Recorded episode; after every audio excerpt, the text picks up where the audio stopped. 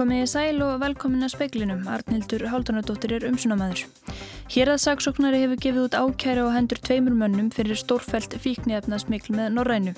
Átta félöginnan BHM sem ennega eftir að semja við ríkið hafna lífskjærasamningunum. Að minnstakosti 21 let lífið í mótmæla aðgerðum stjórnaranstæðinga í Írak í dag, emt var til þeirra í tilipni þess að ríkistjórnlandsins tók við völdum fyrir einu ári. Úttakt á því hvað fór úrskeiðis hjá fastegnafélaginu upphafi og sjóðunum Gamma Novus verður tilbúin fyrir áramót. Eigundur í sjóðunum voru upplýstir um gangmála hjá Gamma í dag. Jökulár hafa meira að segja í baráttunni gegn loslasbreytingum en talið hefur verið. Brexit óvissan mallar áfram í Breitlandi á viðsjárverðum tímum í Breitlandi er ekki allt sem sínist og í dag þurfa stjórnendur fyrirtækja ekki að gæjast yfir aukslina á starfsfólki sínu til að aðtuga hvort það sé að slæpast á Facebook. Þeir nota hugbúnaðarforrið og gerfegrind. Hér að saksóknari hefur gefið út ákæru á hendur tveimur mönnum þjóðverja og rúmena fyrir stórfælt fíknefnasmikl með Norrænu. Í ákærunni segir að þeir hafi smiklað tæpum 38 kílóum af amfetamínu og 5 kílóum af kókaini til landsins 1. ágúst frá Þýskalandi. Fíknefnin voru falin í innanverðri farangurskemslu bíls af gerðinni Ástin Mini Cooper sem krafist er upptöku á í ákærunni. Fíknefnin voru sterk, amfetamínu var 70% að meðal styrkleika og kókaini tæp 82%. Þetta er eitt mesta magn fíknefna sem íslensk yfirvöld hafa lagt halda á í einu lægi. Gæslu varðhaldi við mönnunum sem er á miðjumaldri var framlengt í gær og við það tilefni var þeim byrt ákjæran. Átta aðildarfélug BHM sem ennega eftir að semja við ríkið ætla ekki að semja á grundvelli lífs lífskjara samningsins. Þau vilja semja um prósenduhækkanir og að lámarslaun fyrir fyrstu háskólagráðu verði ekki lægri en hálf miljón. Á mánudaginn undirreituðu fimm aðeldarfélag BHM kjærasamning við ríkið. Þetta voru félag háskólamentara starfsmannastjórnar ásins, félag íslenskara félagsvísindamanna, fræðagarður, stjættafélag bókasaps og upplýsingafræðinga og stjættafélag lögfræðinga. Samningurinn hefur ekki verið byrtur ofinberlega en er sagður vera á grundvelli lífskjærasamningsins. Átni Stefán Jónsson, formaður Sameigis, gaggrindi í gær félagin Finn fyrir samningana. Að hans sögn stóðu aðeldarfélag BSRB í þeirri trú að stjættarfélag ofinbæra stafsmanna ætlaði að fylgjast að í útfæslu á stýttingu vinnuvíkunar í nýjum kjærasamningum. Með samningi þessa fimm fyrgröndu félag við ríkið hafi samstæðan verið rofinn. Önnur átta aðeldarfélag BHM sem ekki hafa samið hafna samningstilbúi ríkisins sem byggist á lískjærasamningunum. Anna-Maria Frímansdóttir, Frankvæntastjóri Sálfrængafélags Íslands, segir félagin kræfjast prósentuhækkan álögin að vinnuvikan verði stitt í 35 vinnustundir og verði ánskerðinga og að lámaslögin fyrir fyrstu háskólagráðu verði 500.000 krónur. Við teljum mikilvægt að okkar félagsmenn fái aukinn kaupmátt og með við verðbólkusbá að þá væri e, lífskjærasamningurinn að rýra í raun og veru kaupmátt okkar félagsmenn og væri í raun og veru kjæra ríkni. Saði Anna-Maria Frímansdóttir Jón Hákon Haldursson talaði við hana. Ung kona sem slasaðist lífsættulega í húsbruna í kjallara íbúð við Mávalíð í Reykjavík að fara nótt miðvíkudags hefur verið flutt erlendis á sjúkrahús til frekari aðlýningar. Allt tiltækt slökkvilið á höfuborgarsvæðinu var kallað út þegar tilkynning barst og var mikill reykur í íbúðinni þegar slökkvilið kom á vettvang. Eitt komst út af sjálfstáðum en tveimur var bjergað út og slösuðust þau bæði mjög alvarlega. Talið er að eldurinn hafi kviknað út frá potti á eldavelarhellu. Framkom á vef Grindavíkur bæjara vinkonur konunnar sem er fætt 1997 standi fyrir bænastundi í Grindavíkur kirkju kvöld klukkan hálf nýju.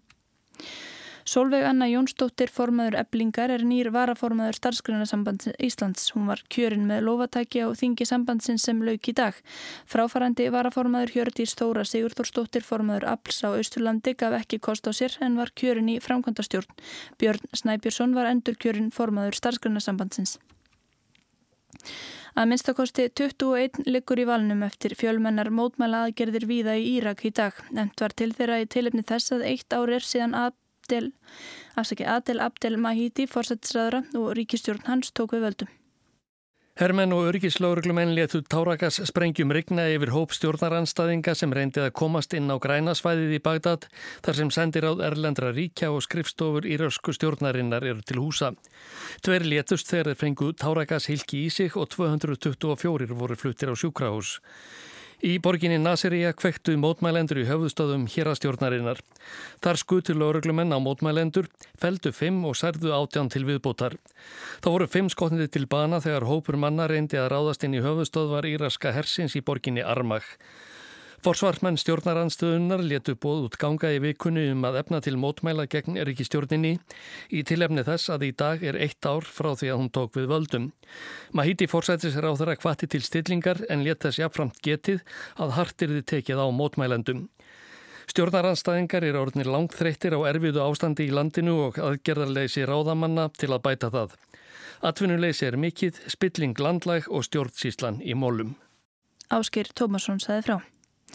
Það er jákvægt að fyrirtæki láti sig jafnbreytismál varða en fara verður með aðgátt þegar kemur að samspili stórfyrirtækja og fjölmiðla vegna sérstöðu fjölmiðla sem fjórða á valdins í samfélaginu. Þetta segir Katrín Jakobsdóttir fórsættisræðura um þau áform Íslandsbanka að hætta viðskiptum við þá fjölmiðla sem ekki standast tiltekin skilirði um kynja hlutföll á þáttagerðamönnum og viðmælendum. Mér finnst í fyrsta lagi mjög jákvægt að fyrirtæki og stofnarnir sé að láta sér samfélagslega markmið varða, hvort sem eru svið jafnbryttsmála eða umhverfismála. Í þessu tilviki hins vegar þó að útfærslan sé auðvitað ekki ljós og ég held nú kannski að það er eftir að skoða hana betur, þá auðvitað þarf að huga mjög vel að því þegar við getum talað eiginlega um samspil stórfyrirtækja og frjálsra fjölmila því það skiptir auðvitað miklu mála við svona horfum sérstaklega til sérstöðu fjólmiðla sem fjórðavaldsins og þeirra hlutvers í líraði samfélagi þannig að ég held að það skiptir miklu máli að fara með aðgátt en ég vil þó segja það þó að ég ídryggi að það er mikið vekt að það er jákvæmt að sjá þá umræðu sem þetta útspil hefur vakið þó að það verði nú kannski ekki eins og meina það því það sýnir auðvitað hversu í fyrsta lagi margir eru ennþá viðkvæmir fyrir umræðum kynjahalla í íslensku atvinnulífi almennt. Ég gerði hann að umtalsefni í ræðuminnum daginn hjá samtökum atvinnulífsins og það auðvitað er svo að við þurfum að fara að gera betur ef við ætlum að ná heimsmarkmiði saminuðu þjóðana nr. 5 sem bankin vísaði um jafnbretti kynjana. Hins vegar þurfum við að sjálfsögða að vanda okkur í þeim aðgerðum sem við grýpum til til að ná því markmiði. Saði Katrín Jakobsdóttir. Forsvarsmenn Gamma heldu fund í morgun með fulltrúum hlutdeildar skýrteinis hafa í sjónum Gamma Novus. Sjóðurinn rýrnaði næstum upp til lagna á skömmum tíma. Þórtís Arljótsdóttir.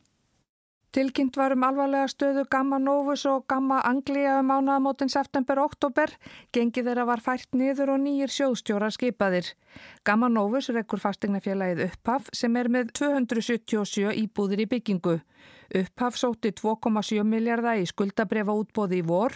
Skuldabrefa eigundunir komað vonum af fjöllum þegar upplýst var um stöðuna. Þeir samþyktu skilmálabreitingar fyrir í oktober svo hægtir það sækja viðbótarfjármögnun upp á 1 miljard króna. Afar stutt mun vera í að gengi verða fullu frá viðbótarláninu.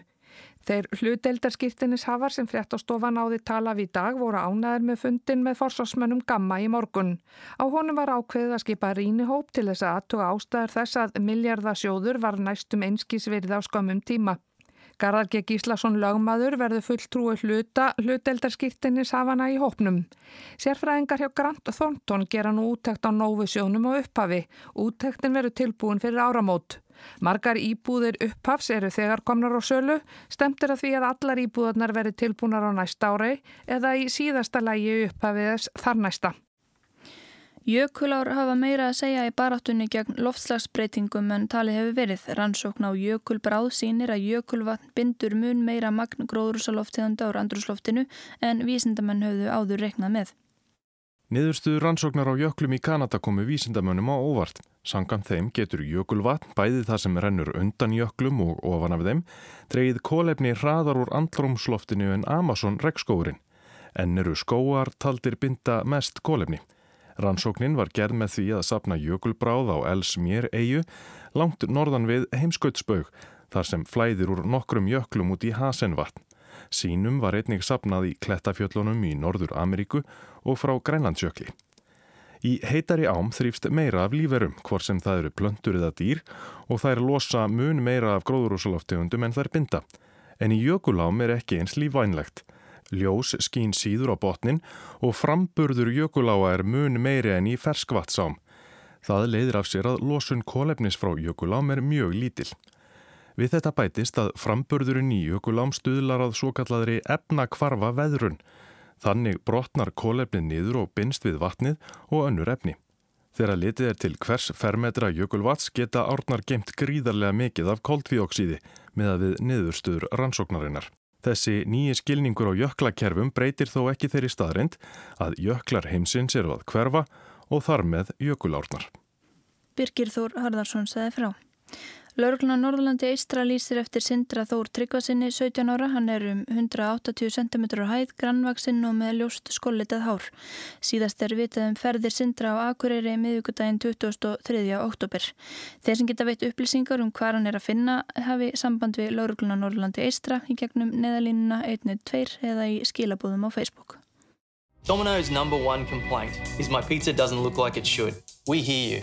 That's why we created Dom Pizza Checker, a smart scanner that checks the quality of every pizza we make. Fyrirtækið sem reykur Dominos í Ástralíu fylgist grant með framistuðu starfsmanna sinna. Um daginn var ný gerfigreindartækni tekinni í nótkun, komið upp myndavélum fyrir ofan bekkin þar sem starfsmenn raða á pitsunar. Gerfigreindin skoðar hvort pizzan lítur út eins og hún á að gera, eins og á myndinni á matselinu. Með þessu tóli verður hægt að meta árangur á hverjum stað og átta sig á því hvaða útibú stendur sig verst. Hvar er alltaf verið að gleima sveppunum, hvar ostinum er ítla dreift, hvar pepperóniði tegir sig inn á veganhelmingin. Dominós veit ekki meina að sín eitt að þessu, markmiðið sé að þjálfa starfsmenn ekki refsa þeim. En sumir hafa samt áhyggjur, telja að í þessu felist einhvers konar vjálmennisvæðing. Hversu mikið meiga vinnuveitundur fylgjast með okkur og hvernig okkur gengur að skila okkar verki í vinnunni? Sko, vinnuveitundur, þeir hafa ákveðna lögumönda hagsmunni af því að hafa eftirlit með sínum starfsmönnum og, og sinni starfsemi. Og það getur verið bæðið málefnalegt og jafnvel nöðsynlegt í ákveðnum tilveikum að hafa þetta rafræna eftirlit. Til dæmis tekja flestir öryggismyndavélarnar sem eru settar upp í öryggis og eigna vörslu tilgangi bara til að verja eigur og starfsmenn. E, og það, það myndi alltaf teljast málefnalegt. En, en svo er alltaf hægt að ganga of langt og sérstaklega með nýri tækni þá geta vinnuveitendur gengið á fríðhelgi engalífs sinna starfsmanna ef þeir fylgji ekki bara settum lögum og reglum um þessa rafrænu vöktun. Segir Alma Tryggvadóttir, persónuvendar fulltrúi hjá Landsbankanum. Fæstir kæra sig um að stjórnendur Andoni hálsmáli á þeim finnst það til marksum vantraust. Í dag þurfa stjórnendur fyrirtækja ekki að gæjast yfir aukslina á starfsmönum sínum til að aðtuga hvort þeir sé að slæpast á Facebook. Þessi stað kaupa þær hugbúnað sem sapnar gögnum um aðtapnir starfsmanna og greinir þær með hjálp gerfugrindar. Þessi hugbúnaður getur til dæmis tekið skjáskot af tölvum starfsmanna með korters millibili með því að greina hvað þú ert með mörg forrið opinn, hversu mikið þú ert á samfélagsmiðlum, hversu hratt þú slærð á liklaborðið, hversu lengi þú heldur aðtikli við hvert verkefni og hvaða síður þú skoðar á netunum og draga ymsar álíktanir um framleiðni þína, ymbetingu og áhuga en líka um hvort þú sért líklegu eða líklegur til að segja upp eða fremja lögbrott. Með þessum hugbúnaði má líka greina rafræn samskiptiðin við samstarfsfólk og tölvupóstana sem þú skrifar og bera kennsla á hegðun sem vinnuveitandi tilur óæskilega. Þessi nýja eftirlitstækni er í sókn. Stjórnendur telja upplýsingarnar gefa mikilvæga insýn og hjálpa þeim að átta sig á því hvar og hvernig megi helst bæta framistuðu fyrirtækisins. En það má kannski líka nýta tæknina til að ráða og reka fólk, meta hver á að fá stöðhækkun og hver ekki. Nýlega könnun alþjóðlega ráðgjafafyrirtækisins Gartner meðal 239 stórfyrirtækja síndi að yfir helmingur þeirra vaktaði starfsmenn með þessum hætti og það er mat Gartner að hlutfallið eftir að hækka rætt á næstu árum. Skjáskot af tölvuskjám hljóma kannski ekki svo illa í eirum sumra en það er bara byrjunin. Í bandaríkunum hafa fyrirtæki ótakmarkaðar heimildir til að njóstna um starfsmenn sína í vinnunni og sum láti ekki þarfi sitja heldur fylgjast líka með þeim heima. Mörg dæmi er um að fyrirtæki noti hugbúna til að fylgjast með líðan starfsmanna, hvernig þeir haga samskiptum sínum við kuna og samstarfsmenn. Já, í bandaríkunum verður sífælt algengar að vinnuveitundur krefjist þess að starfsmenn gangi með heilsu úr. Vinnuveitundur geta þó fylst með því hvernig þeir kvílast á nóttunni, hvort þeir reyfi sér reglulega og hvort þeir séu við góða heilsu. Lengst ganga líklega fyrirtæki á borði Amazon sem nýlega fekk engaleifi fyrir armbandi sem starfsmenni að bera. Armbandi rekur ferðir þeirra og handarhefingar nákvæmlega.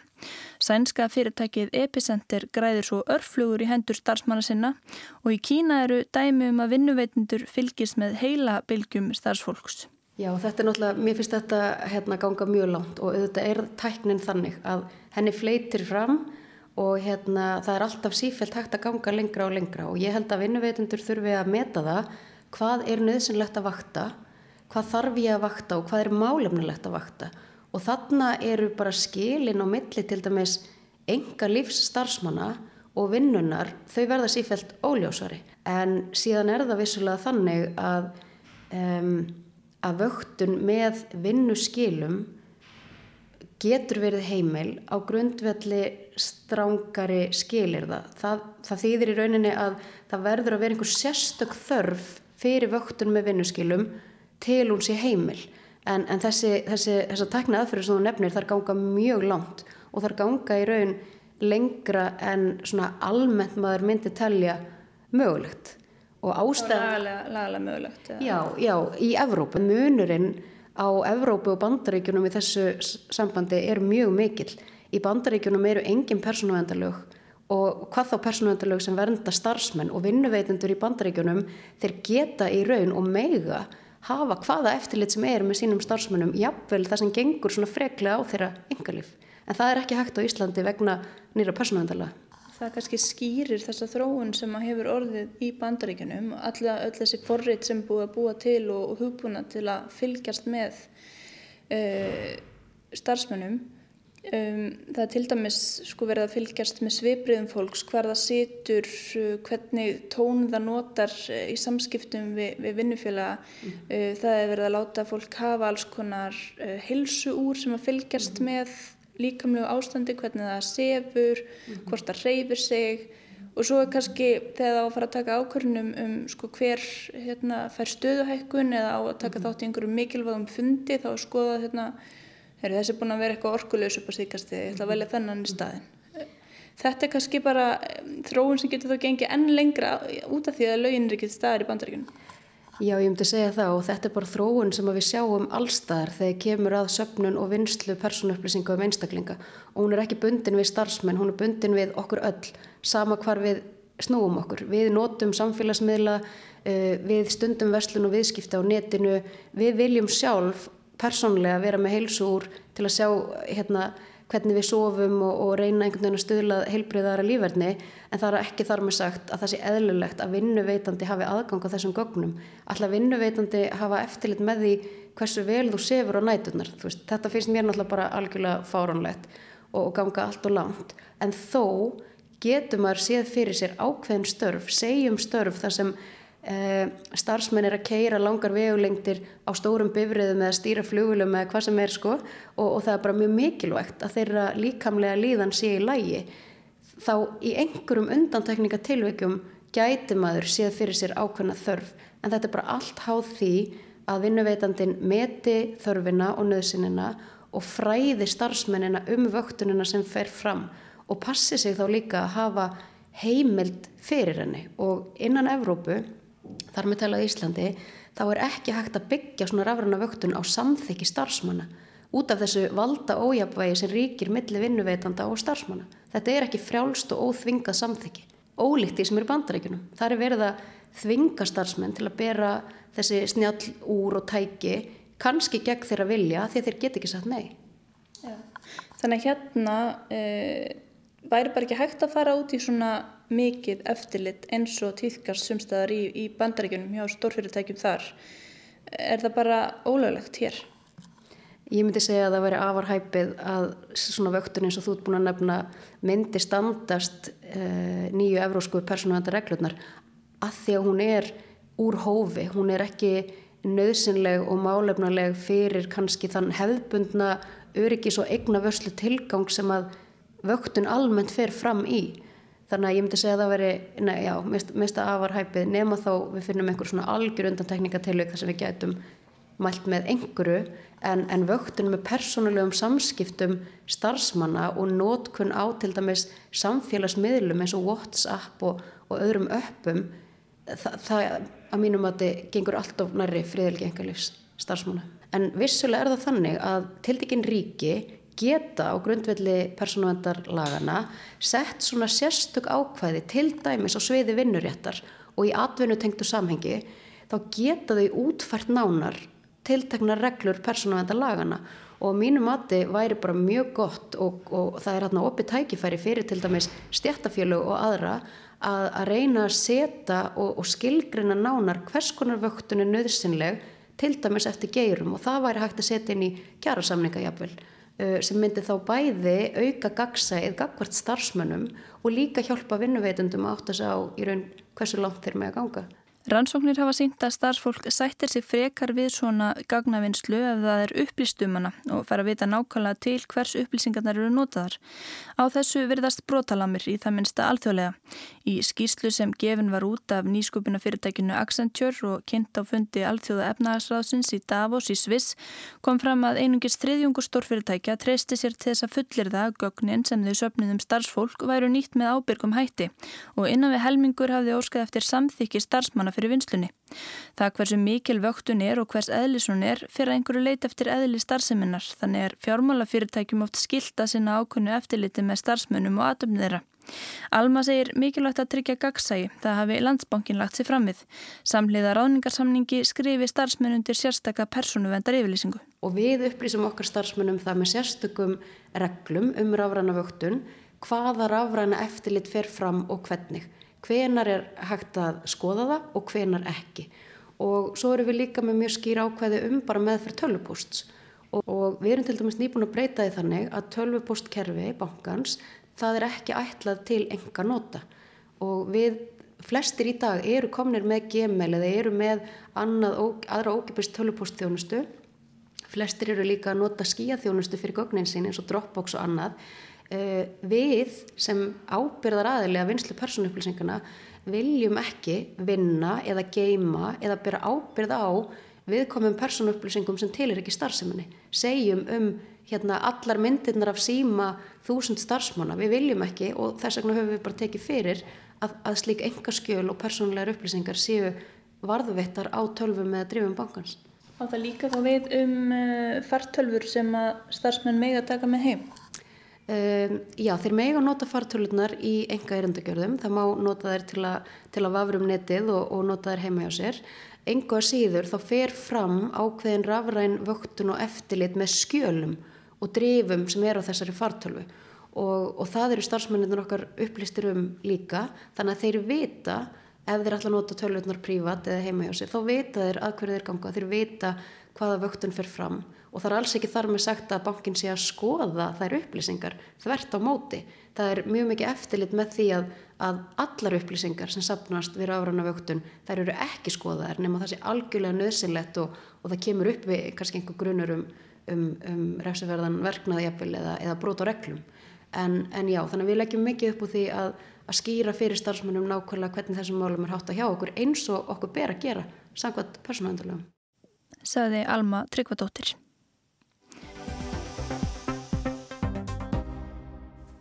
Samningurinn sem þingið samþykti og þó ekki, kostningarnar sem verða og þó óljóst hvort og hvenar, á viðsjárverðum brexit tímum í Breitlandi er ekki allt sem sínist, segir hún Davidsdóttir fyrir yfir stuðuna. Lóksins gerðist þú eitthvað, samþykti ekki breska þingið í vikunni samning um útgöngu breyta úr Evrópusambandinu? Nei, reyndar ekki. Þingið samþykti að samningurinn er þið tekinn til umræðu sem gæfi þingheimi þá líka tækifæri til að koma með breytingatillur. En einingin stóð ekki lengi. Hálftíma síðar feldi þingið dagskrártillugu stjórnarinnar um að samningurinn yrðaðins að rættur í þinginu í tvo daga áður en þingið greitum hann atkvæði. Svo skamman tíma sætti meirluti þingsin sig ekki við og brexit óvissan ríkir áfram. Óvissan snýst um tvent. Annars vegar hvort Evrópusambandið ætla að veita brettum útgöngufrest þegar yfirstandandi frestur rennur út nú í næstu viku, 31. oktober. Hins vegar hvað Boris Johnson fórsætsráð þeirra ætlist fyrir. Það er nokkuð ljóst að frestur er ágreiningsmál innan ESB en þó búist við tilbúð í dag um nýjan frest fram í lók í janúar þó þetta geti brettar farið fyrr ef hentaði. Eftir síðustu framvindu í Breitlandi frestast ákvörðun ESB fram yfir helgi. Þetta síðasta er að Boris Johnson, fórsætsráðara, býður nú þinginu umræðu tíma til 17. november um útgöngusamningin gegn því að síðan verði þingkostningar 12. desember. Þetta sé leiðin áfram eins og hann líst í viðtali. If they genuinely want more time to study this excellent deal, they can have it, but they have to agree to a general election on December the 12th. And that's the way forward. Hafi Johnson ekki sitt fram, hótaðan að draga samningin tilbaka, hótaði líka einhvers konar þingverkvalli. Engin mál borin þar upp en dróð þetta svo tilbaka. Nú ætlar ESB því að sjá hvað setur hvort þingið samþykja mánudag til og fórsætsráðara um kostningar sem stjórnarnanstan hafnar líklega nú sem áður. Reyndar vilja ímsir þingmenn ekki taka ákverðinu um kostningar fyrir en frestur ESB er ljós, þarna rekur sig því hvað á annars horn. Stjórn Jónsons er langt frá því að hafa meir hluta í þinginu, meðal annars því fósætsráðara hefur sapnað fleiri anstæðingum en stunningsmönnum undanfarið. Það er því ekki undarlegt að Jónsson vilji kostningar sem fyrst, en anstæðingar hans telja að fleira hangi á kostningarspítu fósætsráðara.